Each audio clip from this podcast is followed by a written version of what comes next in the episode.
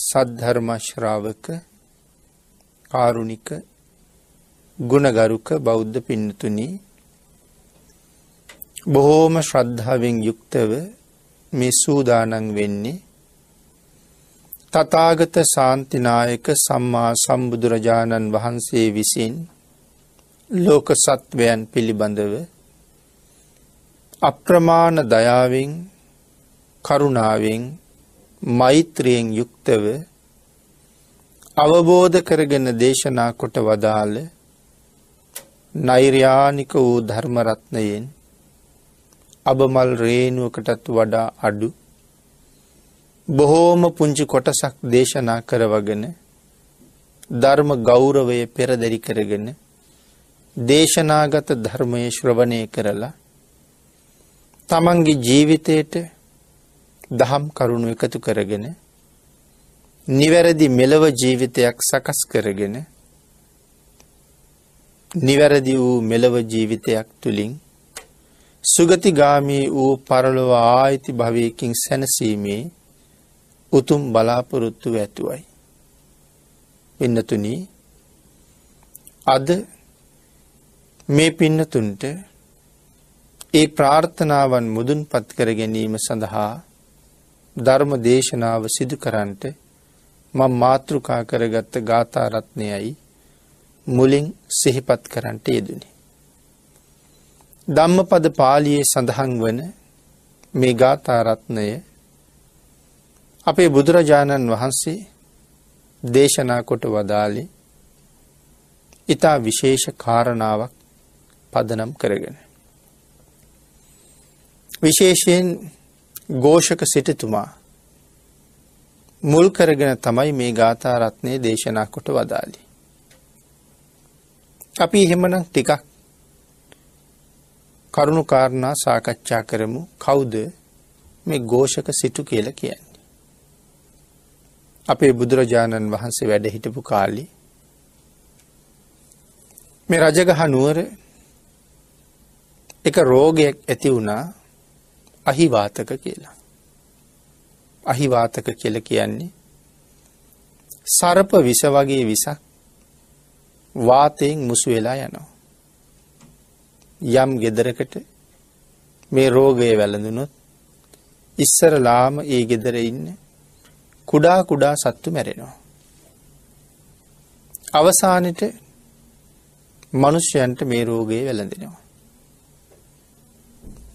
ඉතින් මේ සිටු පවුල්ලි සිටතුමාට සිටු දේවියටත් මේ රෝගි වැළඳුනා. මේ දෙපලට හිටියා ටිකක් ලාබාල වයසි පුතෙක්. තමන්ට රෝගි වැළඳුන බව දැනගත්තහම මේ මව්පියෝ දෙන්න හඬමින් වැලපෙමින් පුතාට කතා කරලා කීවා මේ රෝගයේ වැළඳුන කෙනෙක් බේරෙන්නේ නෑ. මේ රෝගයෙන් බේරෙන්න්න නම් තාම රෝගයේ නොවැළඳුන කෙනෙක් ඉන්නවනම් ගෙදර බිත්තියක් පෙරලගෙන යන්ඩුවනේ. එහෙම ගිහිල්ල ජීවිතය බේරගන්න පුළුවන් කියලා. ඒ විදිහට පුතා ගෙදරින් පිටමං කළා. හැබැයි සඳහන් කලා පුතේ අපි ඒ කාන්තයෙන් මැරෙනවා. අහවල් අහවල් තැන්වල මගේ ධනය නිදංගත කරලා තියෙනවා. සුදුසු කාලෙ උඹ ඇවිල්ල මේ ධනය අරගෙන සැපසේ ජීවත්වෙන්න කියලා. මේ කුමාරයා වසර දොළහකට විතර පස්සේ ආපහු තමන් ජීවත් වන ප්‍රදේශයට ආවා. තාත්ත ධනය සඟවලා තියෙනවා කියපු තැන් ගිහිල්ල විපරම් කරලා බැලුව ඒ තැන්වල ධනය තියෙනවා. නමුත් හරීම ඥානවන්තයි. කල්පනා කළා මම ගමෙන් ප්‍රදේශයෙන් යනකොට මම ඉතා ලාබාලයි. දැන් ශරීරයේ උස් මහත් වෙලා රැවුල වැවිලා කෙස් වැවිලා දැන් මේ ප්‍රදේශයයි මම අඳුරන්නේ නෑ.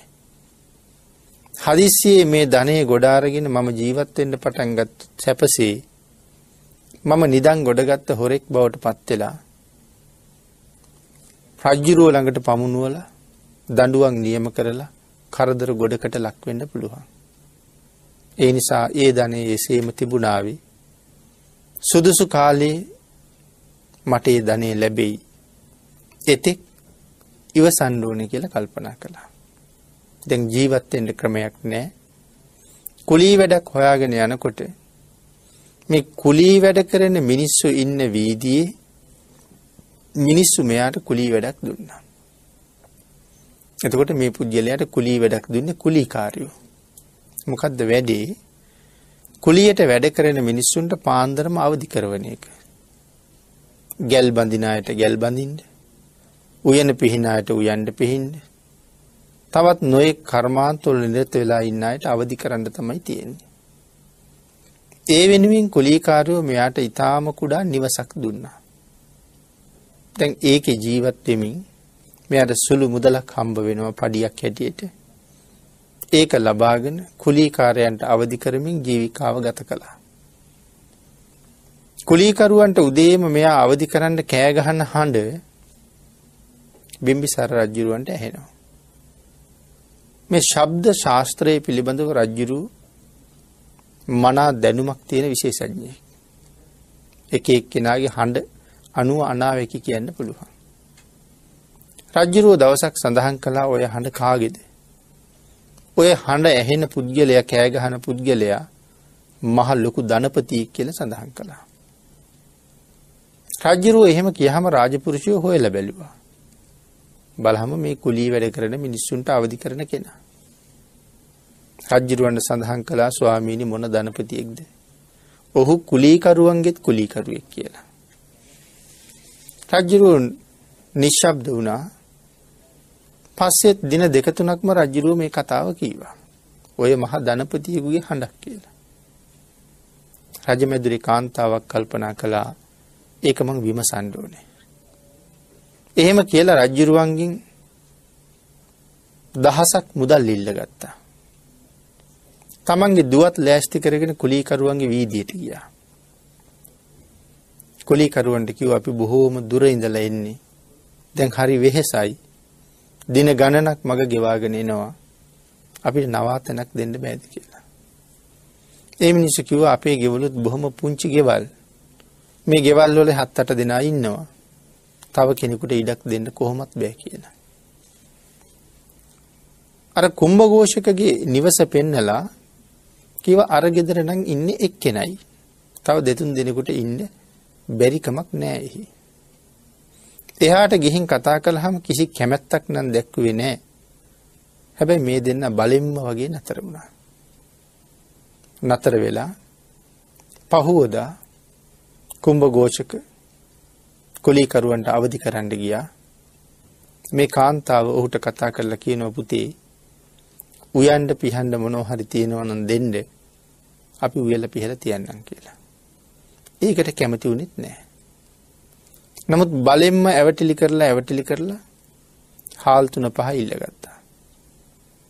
කුලීකරුවන්ට අවදි කරලා ඔහුත් වැඩවල නිරත වුණාට පස්සේ ඔහු දුන්න තුන පහටික පසක තියලා කාන්තාව වෙළඳ පොලට ගිහිල්ලා අලුත් වලං අරගෙන වෙනත් රසවත් ආහාර පිළියෙල කරන්න අවශ්‍ය බඩු බාහිරාදියත් අරගෙන ගෙදර ඇවිල්ලා රජ්ජුරුවන්ට කෑම හදනවා වගේ ප්‍රනීත ආහාර වේලක් හැදුවා. ඒ ආහාර වළඳලා අර පුද්ගලයටත් ලොකු සතුටක්. මෙහෙම රසවත් ආහාර ලැබිල තිබුණෙත් නෑ. හැබැයි ඒ බවර්ගොල්ලන්ට පෙන්වෙත් නෑ. නමුත් කාන්තාව නැවත සඳහන් කලා පුතේ දින ගණනක්ම වෙහෙසිලා නිසා අපි තව දවසත් දෙකක් ඉඳල යන්නම් කියලා. මේ වෙලාවෙ ලොකූ අකමැත්තක් නෑ මොකද හොඳ කෑම වේලක් ලැබෙන නිසා. එහෙම දවස් කීපයක් කාලි ගෙවුණා. අර කාන්තාව එක දවසක් මොහු නිදාගන්න අර පැරණි බූරු ඇඳන් එම නැත්තං ලනුවලින් වියල තියෙන ඇඳේ ලනු දෙකතුන දෙකතුන කපනෝ. කුම්භඝෝෂක හැන්දෑවි නින්දට වැටුණහම අරක වැල් කැඩෙනවා. එතකොට බනිනකොට කියනවා මේ ගමේ ළමයි ඇවිල්ල දවල් තිස්සෙම ඔය ඇඳී. ඉතින් ඒ ළමයි තමයි ඔය වැල් කඩලා තියෙන්නේ. ආපහු ගැට ගහලා දෙනවා. මෙහෙම දිනක් දෙකක් යනකොට ඇය වැල් ටික හොඳටම කැපුවා. එදා ඇඳේ ඉඳ ගන්නකොටම වැල් ටික කඩාගෙන බිම වැටුණා. ඒ වැටෙනකොට දනහිස් දෙක මූුණේ නුනා. එදානම් හොඳටම කේන්ති. නිදාගණ්ඩ තැනක් ඇත්තෙම නෑ ආය ගැට ගහන්න පුළුවන්කමකුත් නෑ. ඒ වෙලාවේ ඇය සඳහන් කලා පුතේ මේ රෑ මොනව කරන්නද. ඇගේ දුවට කතා කරල කිව දුවේ මේ උඹේ අයියටත් නිදාගණ්ඩ තැනක් දීපන් කියලා. ඇය ඇගේ පැදුරෙන් ඉඩක් ඔහුටත් දුන්නා. ඔවුන් අතර රාත්‍රී කාම සම්බෝගයක් ඇති වුණා. පහුවද ඇය අඩන නිසා කරුණු විමසුහම ඇය කාරණාව කීවා. අම්ම කියනවා කමක් නෑ උඹටත් විවාහ ජීවිතයක් තියෙන් ඩිපෙයි. එන ඔබල දෙන්න විවාහවෙල්ලා. විවාහ කරවලත් ටික දවසක් ගිය. අර කාන්තාව රජ්ජුරුවන්ට පනිවිඩයක් කැරිය මහරජ කොලීකරුවන්ගේ වීදී උත්සව කරන්න නියෝග කරන්න කියලා. රජ්ජුරු ඒ විදිහට නියෝග පැනෙව්වා. කුම්භ ගෝෂක ගෙදරාහම කිව පුතේ රජ්ජුරු කුලේ කුලීකරුවන්ගේ වීදිය උත්සව පවත්තන්න කියලා. දැන් මුදල් ටිකක් ඕනේ. ඔහු කිව මොන මුදල්ද මොන උත්සවද මේ යන්තන් හම්බෙන සොච්චන් මුදලින් ජීවත්වෙන්නේ කියලා. අර කාන්තාව කියනව පුතේ රාජාඥාව නායකට අරංහරි උත්සවේ කරන්න ඕනේ. ණය පස්සේ ගෙවමු කියලා. ඔහු හිමීටම ගිහිල්ලා තාත්ත හඟවපු කහවණු වලින් කහවණු කීපයක් ගෙනල්ලා ඇයට දුන්නා. ඇය උත්සවයට අවශ්‍ය දේවල් තමන්ගේ මුදලින් සම්පූර්ණ කරලා අර කහවණු රජ්ජුරුවන්ට යවනවා. මෙම අවස්ථා කීපයක් කළා. එක දවසක් රාජපුරුෂෝ මොහු අත් අඩංගුවට ගත්තා. අර කාන්තාව කෑගහල රාජපුරුෂයන්ට බැනල බෑනගේ නිර්දෝෂි බව කියලා අන්තිමට කියනවා කමක් නෑපති. රාජාඥාවනි රජමාලිගාවට යන්ඩ අපිත් එන්නම් කියලා. මොහු රාජපුරුෂයොත් එක පිටත් කරලා ඇය දුවත් එක වෙනත් පාරකින් ඉක්මට රජමැදුරට ගිහිල්ලා වෙනද වගේ නාගෙන පිරිසිදු වෙලා අලුත් ඇඳුම් ඇඳගෙන ආභරණ පැළඳගෙන රාජමාලිගා විහිටිය. රජ්ජුරුව මේ කැඳවපු පුරුෂයාගෙන් ඇහුවා මේ තරං ධනයක් සඟවලා තියාගෙන ඇයි ඔය විදිහට ජීවත්වෙන්නේ කියලා. මොහු බැගෑ පත්වෙලා කිව මහරජය ධනයක් තියෙනවා නම් මං කුලී වැඩ කරනවේ කියලා. දෙතුන් පාරක් කරුණු නොකියන නිසා රජ්ජුරුව තමන් ළඟ තිබිච්ච කහවනු ටික ගෙනල්ලා පෙන්නලා ඇහුව මේවා කාගෙද කියලා. ඔහුට කට උත්තර නැතුව ගියා. වටපිට බැලුවා. බලහම දැක්කා අම්මයි දුවයි දෙන්නත් රජමැදුරි හොඳට ඇඳල පැළඳලා ඉන්නවා. ඔහු කල්පනා කලා මේ කාන්තාවගේ උපායට මං අහුුණා. දැම් මට පිළිසරණක් නෑ. ඒ වෙලාව සඳහන් කලා මහරජය මේ කහවනු මට අයිති. දැන් ඉතින් මට පිළිසරණක් නෑ දැම්ම වංචාකාරයෙක් වෙයි. රජ්ජුරුව සඳහන් කළා ඔබට කොහොමද පිළිසරණක් නැත්ති. ඔබට පිළිසරණක් හැටියට මම ඉන්නවා මදිද කියල ඇහුව.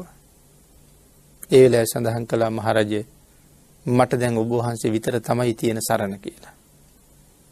රජ්ජුරුව කරුණු කාරණා අහල ඒ ධනය ඔක්කෝම රජමැදුරට ගෙන්න්නගෙන රටවැසියන්ට ඒ බව දන්වල මොහුට සිටු තනතුර දුන්න. විශාල දනස්කන්දයක උරුමක්කාරී. සිටු තනතුර දුන්න විතරක් නෙමෙයි රාජ කුමාරිකාවක් විවාහ කරලත් දුන්න. සිටු මාලිගාවක් තනල දුන්න. එක දවසක් බිම්බිසාර රජ්ජුරු භාගිතුන් වහස මුණ ගැහෙන්ඩ යන වෙලාවි මේ පුද්ගලයත් එක්කරගෙන ගිහිල්ලා බුදුරජාණන් වහන්සේ මුණගස්සවල මොහුගේ ගුණය භාගිතුන් වහසට ප්‍රකාශ කළා. මේ තරං ධනයක් සඟවගනත් නිහත මානීව කටයුතු කරපු හැටි. ආංගේ කාරණාව රජ්ජුරුව සඳහන් කලාට පස්සෙ තමයි මෙන්න මේ ගාථා රත්නය අපේ බුදුරජාණන් වහස දේශනා කොට වදාලේ. ඒ නිසා මෙහි සඳහන් කළා යසස කීර්තිය මනාව වැඩෙන පුද්ගලයන්ගේ හැබෑ ස්වභාවය පිළිබඳවයි මේ ගාථාව සඳහන් කරන්නේ. ගාථාරත්නය සඳහන් වන ධර්ම කාරණාවත් මේ උදාහරණයත් එක් අපි සාකච්ඡා කරමු. උට්ටාන වතෝ සතිමතු. පිනතින මෙතන උට්ටානවතු. යසස ලබන්ඩන කීර්තිය ප්‍රසංසාව ලබන්ඩන ලබාගත්ත ජීවිතයේ ජයග්‍රහණය කරන්නන ඒ ජීවිතයට උතුම් සාධහරණයක් ඉෂ්ට කරන්න නම් මේ ගතිගුණ ටික අපි ගාව තියෙන්ට ඕනේ. පළමුුවෙන් සඳහන් කළේ උට්ටානවතු. උත්සාහ සම්පත්තිය තියෙන්ට ඕනේ. උත්සාහයක් නැති කිසි කෙනෙක් මේ ලෝකෙ ලෞකික වශයෙන්වත් ලෝකෝත්තර වශයෙන්වත් දියුණුවක් ලැබුවේ නෑ. ලෞකික ලෝකෝත්තර දෙපාර්ශයම දියුණුවක් ලැබුවනං ඒ ඉතා වීර්යවන්ත පුද්ගලයෙක්. ඒ ඉතා උත්සාහවන්ත පුද්ගලයෙක්. ඒ නිසා උට්ටානවතු උත්සාහය පිළිබඳව කරුණු ධර්මය තුළ බොහෝසේ ගැඹුරින් පැහැදිලි කරලා තියෙනවා. පිළිතුර මෙතන සඳහන් කරහම ඉස්සරලාම තමන්ගාව තියෙන මේ කම්මැලිකම හැම කෙනෙක්ම නැති කරන්න ඕනේ. ඒ උදේ අවදි වෙන තැන ඉඳලම පවත්වන්න ඕනේ. ඒ නිසා සඳහන් කළා උදේම අවදි වෙන්න ඕනේ කියලා. දහවල් වෙනකන් නිදාගන්න පුද්ගලයෙකුගේ ජීවිතේ හරි අසාර්ථක ජීවිතයක්. ලැබිච්ච ජීවිතයෙන් ප්‍රයෝජන ගන්න බැරි වෙච්ච කෙනෙක්. සාමාන්‍යයෙන් කෙනෙක් දවසකට පැය අටක් විතර නිදාගන්න ඕවුණු. අවුරුදු හැටක් විතර ඔහු ජීවත් වෙනවන දවසකට පැය අටක් නිදියෙනවන අවදියෙන් ජීවත් වෙලා තියෙන්නේ අවුරුදු තිහක් විතර. ඉතුරු තිහෙම නිදියලා තියෙන්නේ. නින්ද කියන්නේ ජීවිතේ වඳ බව. කිසිම දෙයක් කරගන්න බැරි කිසිම ප්‍රයෝජනයක් ගත්තේ නැති කිසිම ලාභයක් ලැබුවේ නැති කාලයක් තමයි නින්ද කියලා කියන්නේ. බුද්ධාදී මහෝත්තමයන් වහන්සේලා නින්ද ඉතාම ප්‍රතික්ෂේප කරලා තියෙන්නේ. අගේ කරන්නේ නින්ද පිළිබඳව. මේ ජීවිතේ හම්බුනේ ඊටාම කලාතුරකින්. මනුස්ස ජීවිතයක වටිනකම මනුස්ස ජීවිතයක් ලබන්න තියෙන අපහසුකම මනාව දැනගත්ත පුද්ගලයා මේ කෙටි ජීවිතය නින්දට බාර දෙන්නේ නෑ කියන බවයි සඳහන් කරන්න ඕනේ. මේ අවස්ථාවත් අපිට ලැබුණි හරියට මහ සැඩ පහරක ගිලිලා යන පුද්ගලයෙක් ඒ සැඩ පහරෙන් බේරෙන්ඩමයි දඟලන්නේ. නමුත් සැඩ පහරට අහුන ඔහුට උඩට එන්ඩ විදිහක් නෑ. හදිසියේම යන්තමට සැඩ පහරින් උඩට හිස නගාගණ්ඩ පුළුවන් වුණොත් ඔහු බේරෙන්ඩ මොකක් හරි අල්ලගණ්ඩ තමයි වටපිට බලන්නේ. ඒ වෙනුවෙන්ම තමයි දඟලන්නේ නැවත ගිලෙන්ඩ කලින්. සංසාරය නැමති සැඩ පහරේ අපිත් ගහගෙන යනවා. අති දීර්ඝ කාලයක් තිස්සේ ගහගෙන යනවා. ඒ ගහගෙන යන සැඩ පහරි අපායවල් වල ඉපදුනා තිරිසං ලෝකෝල ඉපදුනා අති දීර්ඝාවිෂය. නිරේ ඉතාම දීර්ඝයි ආවිෂය. තිරිසං ලෝක ඒ තරං ආවිෂ දීර්ඝ නැති බව අපි දන්නවා. නමුත් පින්නතින තිරිසං වෙලා ඉපදුණු. ආය සුගතිගාමී ජීවිතයක් ලබනවා කියන එක පහසුනේ. පින් කරන තිරිසන්නු කොහෙවත් අපි දකින්නේ. හැම තිරිසනෙක්ම වගේ වැඩි වැඩියෙන් පවුම කරගන්න. ඒ නිසා නැවත නැවත දුක්කිත නිරේවල් වලම ගැලෙනවා. ඒ නිසා ඉතාම භයනකයි. ප්‍රේත ලෝකෙත් සමහරලාට අවුරුදු කෝටි ප්‍රකෝටි ගණන් අවශ්‍ය. කල්ප ගණන් දුක් විදින ප්‍රේතයෝ ගැනත් සඳහන් වෙනවා. ඉතින් ඒවාගේ සංසාරික තමයි අපි මේ ජීවත්වෙන්නේ.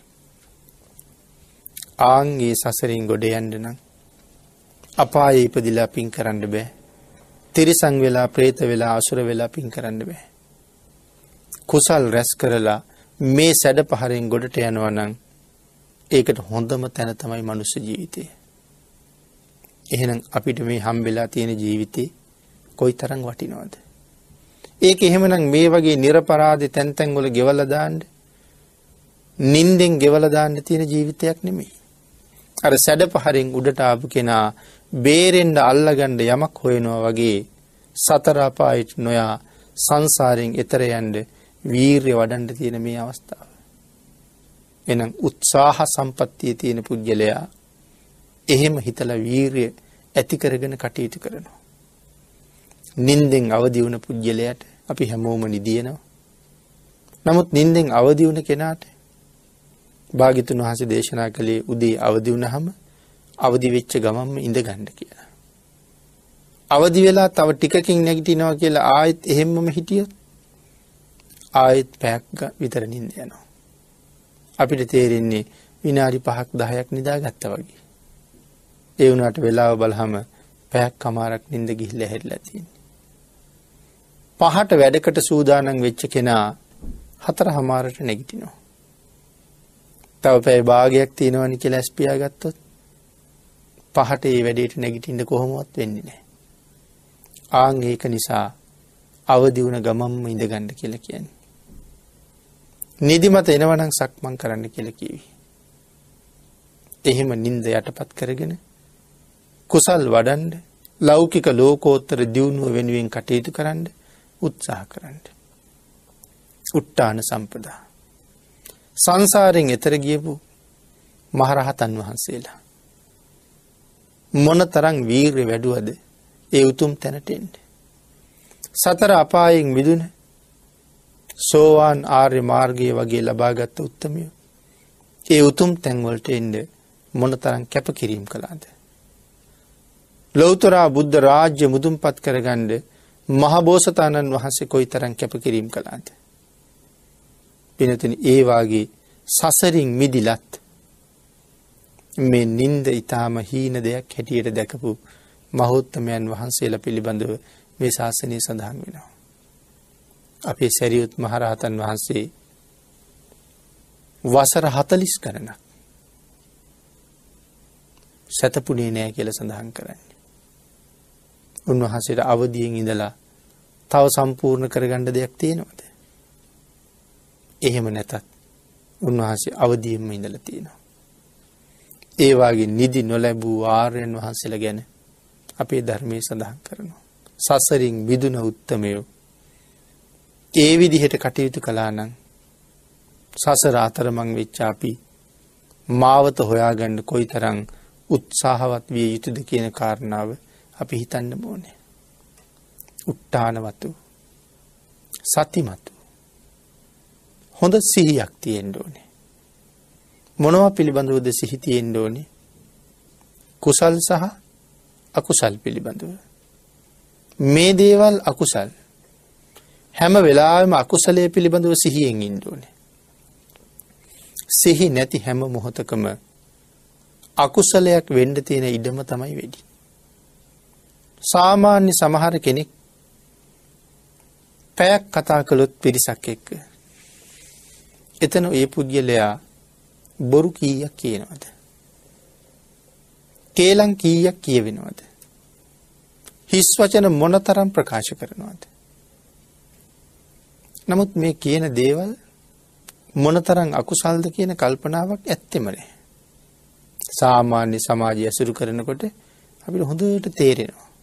සිහි නැති නිසා මුසාවාදා පරුසාවාචා පිසුනාවාචා සම්පප්‍රලාපා. පැයක් ඇතුළත මේ දේවල් කොච්චරකින් උහ පිරිසිදුවෙනවාද. සිහි නැති නිසා.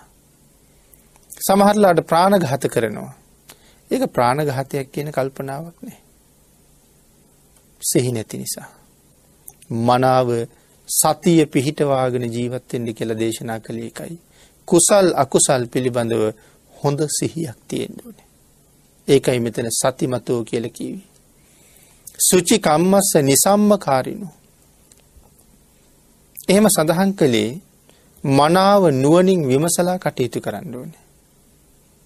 හැම වෙලාම නුවන මෙහේවල තමන් කරන කටයුත්ත පිළිබඳව සිහියෙන් යෙදෙන්ඩ ඕන කියන කාරණාව. පින්නතින කෙනෙකුගේ රෝගයකට බෙහෙත් කරන වෛද්‍යවරයෙක්. රෝගයාගේ රෝග නිධානය හරියටම හොයාගත්තොත් ඒ රෝගේ නිට්ටාවට මොහු ඉක්මට සූ කරනවා. රෝග නිධානය දන්න හින්දා. ආං ඒවාගේ අපිත් කටයුතු කරනකොට හැම කාරණාවක් පිළිබඳවම මනා නුවනින් විමසලා කටයුතු කරන්න පටන් ගත්තොත්. අපිටත් අපේ හැම කටයුත්තක්ම ඉතා නිවැරදිව සම්පූර්ණ කරන්න පුළුවන් වෙනවා. එනිසා නුවන මෙහෙවලා කටයුතු කළ යුතුය කියන එකයි සුචි කම්මස්ස නිසම්මකාරිනු. මෙතන සුචි කියල කිවේ පිරිසිදු කියන එකයි. සුචි අසුචි කියල දෙකක් ලෝකි තියෙනවා. අසුචි කියල කියෙන අපිරිසිදුයි කියන එක. සුචි කියල කියන පිරිසිදුයි කියන එක. සුචි කම්මස්ස. එහනම් පිරිසිදු ක්‍රියාකාරකම් තියෙන්ට ඕනේ. පිරිසිදු කර්මාන්ත තියෙන්ට ඕනේ. එතන පිරිසිදුයි කියල කිවේ අකුසලයෙන් වැලකිලා කියන එකයි. මනාව නුවන මෙහේවන නිසා කුසල් අකුසල් හඳුනගෙන නිවැරදි ක්‍රියා කලාපයේ මනාව යෙදෙනවා කියන කාරණාව. ඉළඟට සඳහන් කළා සං්ඥ තස්සච ධම්ම ජීවින. සං්ඥ තස්සච මනාව දමනය වෙච්ච ජීවිතයක්. මනාව දමනය වුණා කියල සඳහන් කරන්නේ. කයයි වචනයයි සීලයෙන් දමනය කරනවා. අපිට සීලයෙන් දමනය කරන්න පුළුවන් කයවචනය විතරයි. කයෙන් කරන වැරදි වචනයෙන් කරන වැරදි. මනාව සිල්හි පිහිටපු කෙනා කයින් වැරදි කරන්නෙත් නෑ වචනයෙන් වැරදි කරන්නෙත් නෑ. මොකද එවන් වැරදි කරන්නේ නෑ කියලා ප්‍රතිඥ්ඥාවක් දීලයි තියෙන බුදුරජාණන් වහන්සේට. අපි මුලින් සඳහන් කලානි සිහියෙන් කටයුතු කරන්න ඕන කියලා. එහෙම සිහි නොතිබුණ හම කවුරු ළඟද ප්‍රතිඥ්ඥාව දුන්න කියන එකවත් සිහිනෑ. භාග්‍යතුන් වහන්සේටයි පොරොන්දු වෙලා තියෙන්නේ ප්‍රාණඝාත කරන්නේ කියලා. පස් පවින් වලකිනවා කියලා. නමුත් තමන්ගේ වාසයට තමන්ගේ ලාබේට ඕන තරං පස් පව් කරන්න සූදානන් වෙනවා. එනම් සං්ඥතස්සට දැමුණ බවක් නෑ. කයෙන් දමනය වෙලා නෑ වචනයෙන් දමනය වෙලත් නෑ. කයෙන් දමනය නූන නිසා ප්‍රාණගහතත් කරනවා අදත් ආදානත් හොරකමත් කරනවා වැරදිකාම සේවනයත් කරනවා. වචනය දමනය කරල නැති නිසා මුසාවාදාදී පාපකර්මත් කරනවා. කයේ දමනය නැති නිසා සුරාපානයවාගේ දේවලුත් කරනවා. හැබැයි පිඩතන සිල් රකින්ඩ තීරණය කරපු කෙනාට යහපත් විදිහට ජීවත්වෙනවා කියල තීරණය කරපු කෙනාට මේ අකුසලයන් හැම වෙලාම කරදරයක්. අකුසලයන් හැම වෙලාම මලයක්. මලයක් යම් තැනක බැඳිලන ඒ බැඳුන දේ විනාස කරලා දානවා. මලකට බැඳුන හම මලකට බැඳුන දේවල් ඉක්මට මලකඩ විසින් විනාශ කරනවා. එහෙනම් මේ සිහි නැති බව අපිටත් මලයක්න ඒ මලය අපිව විනාශ කරලා දානවා. ආං එහෙනම් ප්‍රාණඝතයෙන් වලකින්ට නිරන්තරයෙන් උත්සාහ කරන කෙනාට ප්‍රාණඝාත වෙන්ඩ තියෙන අවස්ථා එළඹෙනකොට එක හරි කරදරයක් වෙනවා. අපි කියමු අපි දිවි හිමියෙන් ප්‍රාණඝාතයෙන් වලකින්ඩ පොරොන්දු වෙලා උත්සාහ කරලා සිල්පදේ ගරු කරගෙන ජීවත්වෙනවා. නිරන්තරයෙන් සමහරලාට අපි වැඩ කරන තැන්වලට කූමිවාගේ සත්වයනවා. මනාව සිහියෙන් ඉන්ඩ උත්සාහ කරන කෙන. සීලයේ මනාව රැකගණ්ඩ උත්සාහ කරන කෙනා. ඒ අවස්ථාවට හරි අකමැති. මේ කූමි එන එක නවත්ත ගණ්ඩ තමයි ඕනෙම. ඒ පුද්ගලයට. අනික් කෙනෙකුට ඒක බාධාවක් නෑ. රෙදි කැල්ලක් කරගෙන පිහල දාන්න පුළුවන්. හැබැයි ඔහුට කල්පනාවක් නෑ රෙදි කෑල්ලෙන් පිහිනකොට මේ අයි කොච්චර මැරයිද කියලා. නමුත් සිල් රකිින්ඩ උත්සාහ කරන කෙන රෙදි කෑල්ලින් පිසිය යුතු වනාට හරි අකමැති බයයි රෙදි කෑල්ලට මැරයිද කියලා. එතකොට ඔන්න කය දමනය කරගණ්ඩ සූදානං කෙනාට ඒ සත්තු නිතරම එන එක කරදරයක්. එනම් ඒවාගේ හැමදේම ගැන හිතල බලන්නකු. සිල් රකිින්ඩ හදන කෙනාට සිල් කැඩින්ඩ අවස්ථාවක් කෙනවන ඒ කරදරය. නිතරම ගෙදරට සරපියෝයිනවා. හැම වෙලාම අල්ලලාගෙන හිල්ල දානවා. ගෙනහිල්ල දාණ්ඩ දාණ්ඩ ආයනවා.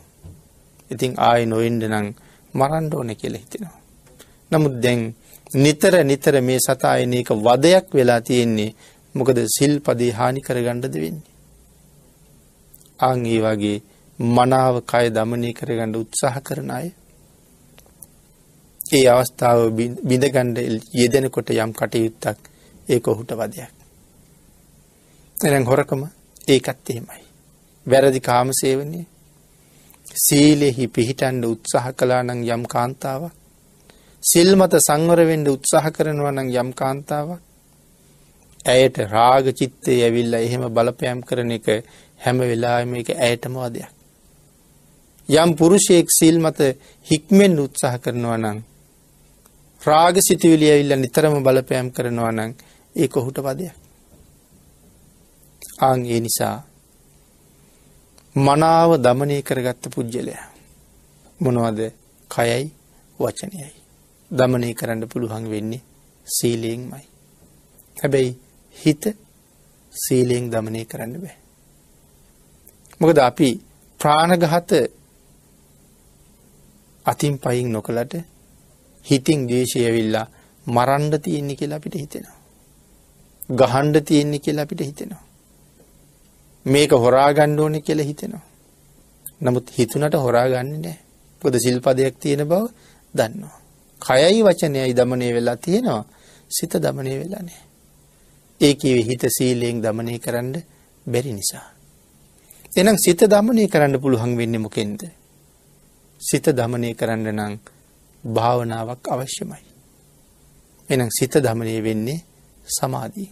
කයයි වචනයයි සීලයෙන් දමනය වෙනවා සිත සමාධියෙන් දමනය වෙනවා. සං්ඥ තස්සච ධම්ම ජීවිනෝ කියල සඳහන් කළ එකයි. අපපමත්තස්ස යසෝභි වඩ්ඩති. ඊළඟට අප්‍රමාදය. මොකදද මේ අප්‍රමාදය කියල කියන්නේ. මේ ශාසනී ලොකුම පින්කම අප්‍රමාදය. සත්වලෝකයේ ජීවත්වෙන සියලුම සත්වයන්ට ශ්‍රේෂ්ඨයි බුදුරජාණන් වහන්සේ. හැම සතිකුටම වඩා උතුම්. දෙවිය මිනිස්සුන්ට වඩා උතුම් දෙවියන්ට වඩා උතුම් බමුන්ට වඩා උතුම් මිනිස්සුත් දෙවියත් බ්‍රහ්මයොත් බුදුරජාණන් වහන්සළඟ දැනගන්නවා. ඒ සියලු දෙනාටම වඩා උතුම් නිසා. එතකොට පින්කං කරන අපි අපේ ලෝකයේ පින්කං අතර උතුම්ම පින්කම මොකක් වෙනවද. පිනතින උතුම්ම පින්කම වෙන්නේ අප්‍රමාදය.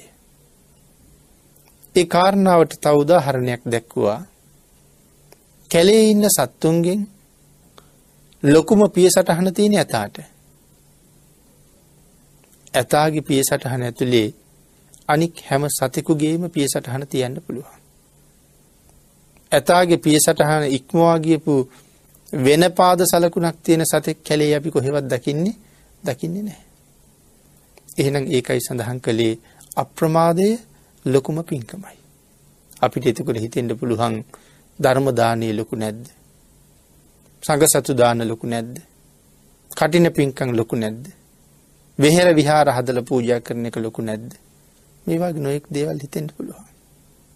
නමුත් ඒ දේවල් කරන්නත් අපි ගවමකක්ද තියෙන් ඕනේ අප්‍රමාදය.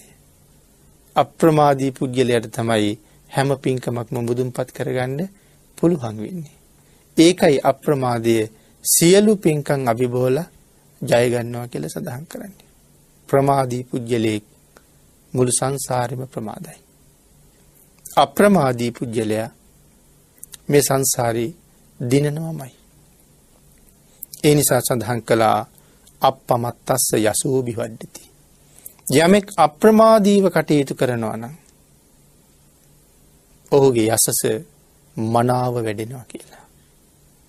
මොකදද මෙතන යසස කියල සඳහන් කළේ. පිනතින කීර්තිය ප්‍රසංසාව මෙතන යසස කියල සඳහන් කළා. ආන්ගේ යසස මනාව වැඩුණ පුද්ගලය. එලොව මෙලොව දෙකම දියුණුවට පත් කර ගත්ත පුද්ගලය. ඒ නිසා මනාව උත්සාහයක් තියෙන්ඩ ඕනේ. වීර තියෙන්න්න ඕනේ. සංයමේ තියෙන්න ඕනේ. සිහිය තියෙන්න ඕනේ. සිල්වත් බව තියෙන්න ඕනේ. යමෙක් මනාව සිල්වත් නම් ඒ පුද්ගලයා මේ ලෝකේ බොහොම වේගෙන් දියුණු වෙන බව ධර්මයේ සඳහන් කරනවා. දියුණුවේ මූලික සාධකය තමයි සීලය. යමෙක් බලාපොරොත්තු වෙනවා නම් දියුණුවේ ඉහළටම යන්න. හිනි පෙත්තටම යන්න. ඔහු ශක්තිමත් කරන මූලික අඩිතාලම මොකද්ද? මූලික අඩිතාලම තමයි සීලය. සිල්වත් වෙන්න වෙන්න ධනවත් වෙනවා. සිල්වත් වෙන්න වෙන්න යසස වැඩෙනවා. සිල්වත් වෙන්න වෙන්න පරිවාර සම්පත්තිය හම්බ වෙනවා. සිල්වත් වෙන්න වෙන්න කීර්තිය පැතිරෙනවා. මිනිස්සු අතර විතරද මිනිස්සු අතරත් හරි කීර්තිමත්. මිනිස්සු හැමෝගෙන්ම ප්‍රශංසා ලබනවා. ඒ වුණාට දෙවියෝ අතර අපි කොච්චර කීර්තිමත්ද කියලා සිල්වත් පුද්ගලයා දන්නේ නැහැ. නමුත් කවදා හරි මෙලොවින් චුත වෙලා යනකොට දැනගන්න ලැබෙනවා දෙවියෝ අපි ගැන මොනතරම් සතුටින් ඉඳලා තියෙනවද කියලා. අපි පිළිබඳව මොනතරම් ප්‍රශංසාවෙන් ඉඳලා තියෙනවද කියලා. මොකද සුගතියේ ගිහිල්ලා බොහෝ සැප විඳින්න පුළුවන්. නමුත් පින්වතුනි ධර්මය නොදන්නා සමාජයේ අය ධනවත් වෙන්න කල්පනා කළේ සිල් බිඳගෙන. සිල් කඩාගෙන ධනවත් වෙන ක්‍රමයක් හොයන්නේ. බුදුරජාණන් වහන්සේ දේශනා කළේ සිල් රැකගෙන ධනවත් වෙන ක්‍රමයක්. සිල් නැති නිසා මේ කාරණාව විශ්වාස නැති නිසා සමහර කෙනෙක් ධනවත් වෙන්න කුඩු විකුණනවා. ඉක්මනට ධනවත් වෙන්න පුළුවන්. තව කෙනෙක් තවත් නොයෙක් මත් වතුර වගේ දේවල් විකුණනවා. තවත් කෙනෙක් මද්ද්‍රව්‍ය විකුණන්න පුළුවන් බලපත්තර සහිත බාර් එකක් වගේ තැනක් හදාගන්නවා. ඉක්මනට ධනවත් වෙන්න පුළුවන්. තව කෙනෙක් සත්ව ගොවිපලක් දාගන්නවා. මේ ඉක්මනට ධනවත් වෙන ක්‍රම. දැන් එතකොට මේ සිල් මත පිහිටලාද ධනවත් වෙන්න හදන්නේ සීලයක් නැතුවමයි. නමුත් භාග්‍යතුන් වහන්සේ දේශනා කරනවා ශක්තිමත් ධනයක් ලබන්න නම් සිල්වත් වෙලා පටන් ගන්න කියලා. එතකොට අද හිතෙනවද භාග්‍යතුන් වහන්සේගේ ඒ දේශනාව නම් අදට ගැලපෙන්නේ නැතුව ඇති කියලා. මොකද හුඟක් ධනවත් අය දිහා බලහම අපිට පේන්නේ සිල්වත් අය ධනවත් වෙලා ඉන්න බවක් නම් නෙමෙයි වගේ. සමහරලාට මිත්‍යා දෘෂ්ටිකාය මේ තරම් ධනවත් වෙලා ඉන්නේ සිල්වත් හින්දාද කියලා අපිට හිතෙනවා. පින්තුනි මේ ජීවිතේ සිල් නැහැ. හැබැයි ඒත් මිනිස්සු මිත්‍යා දෘෂ්ටික නමුත්. බුදුරජාණන් වහන්සේගේ ධර්මය බෞද්ධ කියලා ජනවර්ගයකට විතරක් සීමා වෙච්ච දහමක්ද? මේ දහම හැබැවින්ම බෞද්ධ කියලා පිරිසකගේ දහමක් නෙමෙයි. බුදු පියාණන් වහන්සේ බුද්ධත්වයේ ලබන කාලේ බෝසතාණන් වහන්සේ බෞද්ධ කියලා ජන කොටසක් ලෝකෙ කොහෙවත් හිටියද? ඒ කාලේ බෞද්ධයෝ ලෝකෙ කොහෙවත් හිටියේ නෑ ලෞතුරා බුද්ධ රාජ්‍ය ලබාගෙන මේ සංසාරේ හැබෑ ස්වභාවය මේ ජීවිතවල හැබෑ ස්වභාවය භාගිතුන් වහන්සේ ලෝකෙට කියලා දුන්නා. මිත්‍යා දෘෂ්ටික ආගම් 62ක් විතර තිබුණා. මිනිස්සු මේකෙන් ඒකට ඒකෙන් ඒකට මාරු වෙවි මාරු වෙවි එහාට මෙහාට ගියා. මේ තිබිච්ච දර්ශන එකකටවත් කැමති නැති කෙනෙක් තවත් දර්ශනයක් පිහිටව ගත්තා. එහෙමනේ දෙසටක් මිත්‍යා දෘෂ්ටි නැති වුණේ. භාග්‍යතුන් වහන්සේ ඒ සියලු මිත්‍යා දෘෂ්ටීන් බිඳගෙන සම්මාදිට්ඨිය දේශනා කළා. ඒ නිසා සසරින් මිදෙන මඟ මොකක්ද කියලා හොය හොයා ගියපු මිනිස්සුන්ට බුදුරජාණන් වහන්සේගේ ධර්මය අහපුවාම මේක තමයි සංසාරයෙන් මිදෙන නියම මාර්ගය කියලා තේරිච්ච අය බුදුරජාණන් වහන්සේ ළඟට ආවා. ඒ මිනිස්සු බුදුන් සරණ ගියා. ආන් එදා ඉඳලා බුදුන් සරණ ගියපු අය බෞද්ධයෝ බවට පත් වුණා. එහෙම නැතුව බුදුරජාණන් වහන්සේ පහළ වෙච්ච කාලේ බෞද්ධ කියලා කොටසක් හිටියේ හිටියේ නැහැ. එතකොට මේ ධර්මය සියලු දෙනාටමයි. පිළිගත් අය බෞද්ධයෝ බවට පත් වුණා. නමුත් නොපිළිගත් අය ඒ අයටත් මේ දහම එහෙමම තමයි. දුක්ඛ සත්‍ය කියලා දේශනා කරාම බෞද්ධයන්ට විතරද දුක තියෙන්නේ. අන් හැමෝටම දුක තියෙනවා. සමුදය කියලා දේශනා කරාම නිරෝධ කියලා මාර්ග කියලා චතුරාර්ය සත්‍ය පැහැදිලි කරාම අපිට විතර දේක සාධාරණ. මේ ලෝකෙ සියලු දෙනාටම සාධාරණයි. ආන් ඒ නිසා අද මිත්‍යා දෘෂ්ටික නමුත් පෙර බුද්ධ ශාසන හේතු කරගෙනම සිල් රැකලා තිබුණ නිසායි ඔවුන් මනුස්ස ජීවිත ලබලා තියෙන්නේ. අපේ පින්නතුන් හොඳට බණ අහන්න නිසා මනුස්ස ජීවිතයක් ලබන්න විශේෂයෙන් කළ යුතු පින්කම මනාව සිල් රකින්න එකයි කියන එක දැන් හොඳට දන්නවා. එහෙනම් පෙර සිල් රැකපු නිසායි අද මනුෂ්‍ය ජීවිතයක් ලබලා තියෙන්නේ. එදා සිල් රැකගෙන බුද්ධ ආදී මහෝත්තමයන්න් වහන්සේලාට නොඑක් ආර්යයන් වහන්සේලාට දන් දීපු නිසා ඒගොල්ලෝ මනා බෝගස්කන්ධයක්ද අද ලබලා තියෙනවා. හැබැයි නිවන් දක්නා ಜಾති දක්වා සම්මා දිට්ඨික වන්නේම්වා කියන උතුම් ප්‍රාර්ථනාවල් නොතිබිච්ච නිසා මිත්‍යා දෘෂ්ටිකව ඉපදිලා තියෙනවා. නමුත් මනුස්ස ජීවිතයක් ඒ වුණාට පෙර හොඳට දන් දීලා නිසා ධන සම්පතුත් ලැබිලා තියෙනවා. ඒ පෙර පින් ඇති බව නිසායි එහෙම ලැබිලා තියෙන්නේ. පුබ්බේච කත පුඤ්ඤතා. පෙර කරන ලද පින් ඇති බව. නමුත් මෙදා පින් කරන්නේ නැහැ. ඒ නිසා වේගෙන් පිරිහෙනවා. පෙර කුසල් වල ශක්තිය තියෙන නිසා තාමත් පිරිහෙනවා කියලා අපිට පේන්නේ නැහැ. නමුත් කොයි තරම් පිරිහිලාද මරණයත් එක්කම සුගතියක යයි කියලා හිතනවද?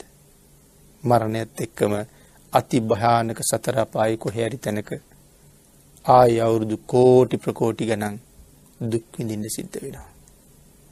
ආන් ඒකෙන් මිදෙන්නයි සඳහන් කළේ සිල්වත් වෙන්න එදාටයි හැබෑම ධනවත්කම තියෙන්නේ. මෙතන ධනවත්කම කියලා කිව්වේ මේ සල්ලි රං රිදී මුතු මැණික් වලට විතරක් නෙමෙයි. ලෞකික ධනයයි ලෝකෝත්තර ධනයයි දෙකම. ලෞකික ධනයෙන් අපි මෙහි ජීවත් වෙනවා. ලෝකෝත්තර ධනයෙන් මැරිලා ගිහිල්ලා ඊළඟට සුගතියක් හොයාගන්නවා. මෙහි හම්බ කරගත්ත ලෞකික සම්පත් ඔක්කොම මෙහෙ දාලා යනවා.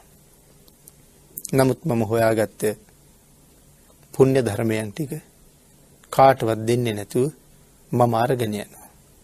ඒ මම කරන ලද පින් මැරිලා මම එනකන් පිළිගන්න බලාගෙන ඉන්නවා. භාග්‍යතුන් වහන්සේ මේ කාරණාව දේශනා කළානේ බොහෝ දුර රටක ජීවත් වෙලා ඉඳලා එන අපේ නෑදෑයෙක් එනකන් පිළිගන්න අපි මග බලාගෙන ඉන්නවා වගේ අපි විසින් සිද්ධ කරන ලද කුසල ධර්මයන් මැරිලා අපි එනකන් පිළිගන්න බලාගෙන ඉන්නවා. ඒ සුගතියට වෙලා අපි සුගතියේ අප්‍රමාණ සැප සහිත තැන්වල උපද්දවන්න. එනම් සඳහන් කළා මනාව සිල් රකින පුද්ගලයාට මහත් වූ බෝගස්කන්ධයක් වැඩෙනවා මනා යසසක් වැඩෙනවා කියලා. සඳහන් කළා මනාව සිල්වත් නම් මහත් වූ බෝගස්කන්ධයක් ලැබෙනවා. කල්යාණ වූ කීර්ති ශබ්දයක් පැතිරෙනවා. හොඳට ධනෙ හම්බ වෙනවා. හැමෝම අතර ප්‍රසිද්ධියට පත් වෙනවා. පිරිස මැදට නොබියව යන්න පුළුවන් ශක්තියක් ලැබෙනවා. කවුරුවත් ගාවට යන්න බයක් නැහැ. මොන ප්‍රභූ පිරිසක් අතරට යන්නවත් බය නැහැ. එයි කාටවත් මට කරන්න චෝදනාවක් නැහැ. වැරදි පැත්තේ නෑ නිවැරදි පැත්තේ ඉන්න නිසා චෝදනා කරන්න කාටවත් බැරි හින්දා ඕන කෙනෙක් අතරට නිර්භයව යන්න ඒ පුජ්‍යලයා ශක්තිමත් වෙනවා. සිහි මුලා වෙලා කලුරිය කරන්නේ නැහැ කියලා සඳහන් කරනවා. මනාව සිල් තිබ්බොත් මැරෙනකොට කිසි සිහි මුලාවක් නැති බවත් මරණින් මති සුගතිගාමි වෙන බව දේශනා කළා. එහෙමනම් ගාථා රත්නයේ සඳහන් කළේ යසස වැඩෙන පුද්ගලයා. එහෙනම් අපි මේ කරුණු සාකච්ඡා කළේ යසස වැඩෙන පුද්ගලයෙකුගේ ස්වභාවය මොකද්ද? උට්ටානවතෝ සතිමතු උත්සාහ සම්පත්තිය තියෙනවා. මනා සිහියක් තියෙනවා. සංයතස්සත ධම්ම ජීවිනෝ. මනාවහු ධාර්මික ජීවිතයක් පවත්න. සුචි කම්මස්ස නිසම්මකාරිනු. මනා නුවනින් කටයුතු කරනවා පිරිසිදු අපිරිසිදු කුසල් අකුසල් හඳුනගෙන තියෙනවා. සංයතස්සත ධම්ම ජීවිනෝ මනාව ධාර්මිකව දැමුණු ජීවිතයක් තියෙනවා. අපමත්තස්ස යසෝ බිවඩ්ඩති ඔහුගේ යසස අප්‍රමාදීව වැඩෙනවා. මේ කරුණු ජීවිතයට එකතු කරගත්තාම අපේ යසසත් කීර්තියත් මෙලොව වැඩෙනවා. පරලොව සුගතියෙත් ඒ බව දන්නවා. මෙලොව පරලොව සුවපත් කරගෙන ප්‍රාර්ථනා කරන බෝධියෙන් අමා මහ නිවනින් සැනසීම ලබන්නත් මග මනාව පිළියෙල කරගන්න ශක්තිය ලැබෙනවා. එවන් මගක් සකස් කරගෙන ලබාගත් ශ්‍රේෂ්ඨ මනුෂ්‍ය ජීවිතයේ අර්ථය සම්පූර්ණ කරගන්න තුනුරුවන්ගේ අනන්ත ආශිර්වාදයෙන් ශක්තිය ධෛර්යය භාග්‍ය වාසනාව උදා වේවා කියලා ප්‍රාර්ථනා කරමු. පින්නතුනි අද මේ උතුම් පින්කමේ දායකත්වය ගම් පහපදිංචි හෂානි වැලිකල මහත්මිය නලීන් වැලිකල මහත්මා SGL ජයන්ති මහත්මිය යන අය විසින් උතුම් අරමුණු කීපයක් සඳහන් කරනවා. නිදන ප්‍රාප්තියට පත්වන සත්‍යදාස වැලිකල සහ ශ්‍රියාලතා වැලිකල එස්ආර් ජයවර්ධන සහ කමලා භද්‍රාණි ජයවර්ධන ලිලියන් වැලිකල අයිඩ සිරිසේන යන අයට පින් අනුමෝදන් කිරීමත් SGL ගුණවතී මේ නම් සඳහන් කළ සියලු දෙනාට පින් අනුමෝදන් කිරීමත්. ඊට අමතරව දැනට රෝගාතුරව සිටින නලීන් වැලි කළ මහතාට ආශිර්වාද කිරීමත් දේශකයාණන් වහන්සේට නිදුක් නිරෝගි භාවය ප්‍රාර්ථනා කිරීමත් චිරාත් කාලයක් ශාසනික කටයුතු සිදු කරගන්න ශක්තිය දහිරිය පිණිස මෙකුසල් අනුමෝදන් කිරීමත්. පැමිණ සිටින සියලු අයට අසත්පුරුෂ ආශ්‍රයෙන් මිදී සත්පුරුෂ ආශ්‍රය ලැබී කල්්‍යාන මිත්‍ර සම්පත්තිය දියුණු කරගෙන ඉතාම කෙටි කාලයකින් අමා මහ නිවන පිණිසත් අපවත් වී වදාළ පරම පූජනීය දරනාගම කුසල ධම්ම ස්වාමින් වහන්සේටත් නාවයනේ සිරි අරිය ධම්ම නාහිමිපාණන් වහන්සේටත් පින් අනුමෝදන් කරන අතර බෞද්ධ කාර්ය මණ්ඩලයේ සියලු දෙනාට ආශිර්වාද කිරීමත් සිදු කරමින් දායක පින්වත් පිරිස පින් අනුමෝදන් කළ සියලු දෙනාටම පින් අනුමෝදන් වේවා. ආශිර්වාද කළ සියලු දෙනාටම රත්නත්‍රයේ ආශිර්වාදයෙන් නිදුක් නිරෝගී භාවයේ චිරජීවනය ලැබේවා. අපි රැස් කරගත්ත පුණ්‍ය ධර්මයෙන්ුත් ඔබ සියලු දෙනාටම අනුමෝදන් වේවා. ඔබට අපට ඊටාම ඉක්මන් භවයක ඊටාමත්ම කෙටි කාලයකින් සැප සහිත ප්‍රතිපදාවකින් උතුම් චතුරාර්ය සත්‍ය ධර්ම අවබෝධය ලබා ගැනීම සඳහා මේ පුණ්‍ය ධර්මයන් හේතු වාසනා වේවා කියලා ප්‍රාර්ථනා කරමු. ආකාසට්ඨා ච බුම්මට්ඨා දේවා නාග මහිද්దికා පුඤ්ඤන්තං අනුමෝදිත්වා චිරං රක්칸තු ලෝක සාසනං දේවෝ වස්සතු කාලේන සස්්‍ය සම්පatti හෝතු ච. පීතෝ භවතු ලෝකෝ ච රාජා භවතු ධම්මිකෝ.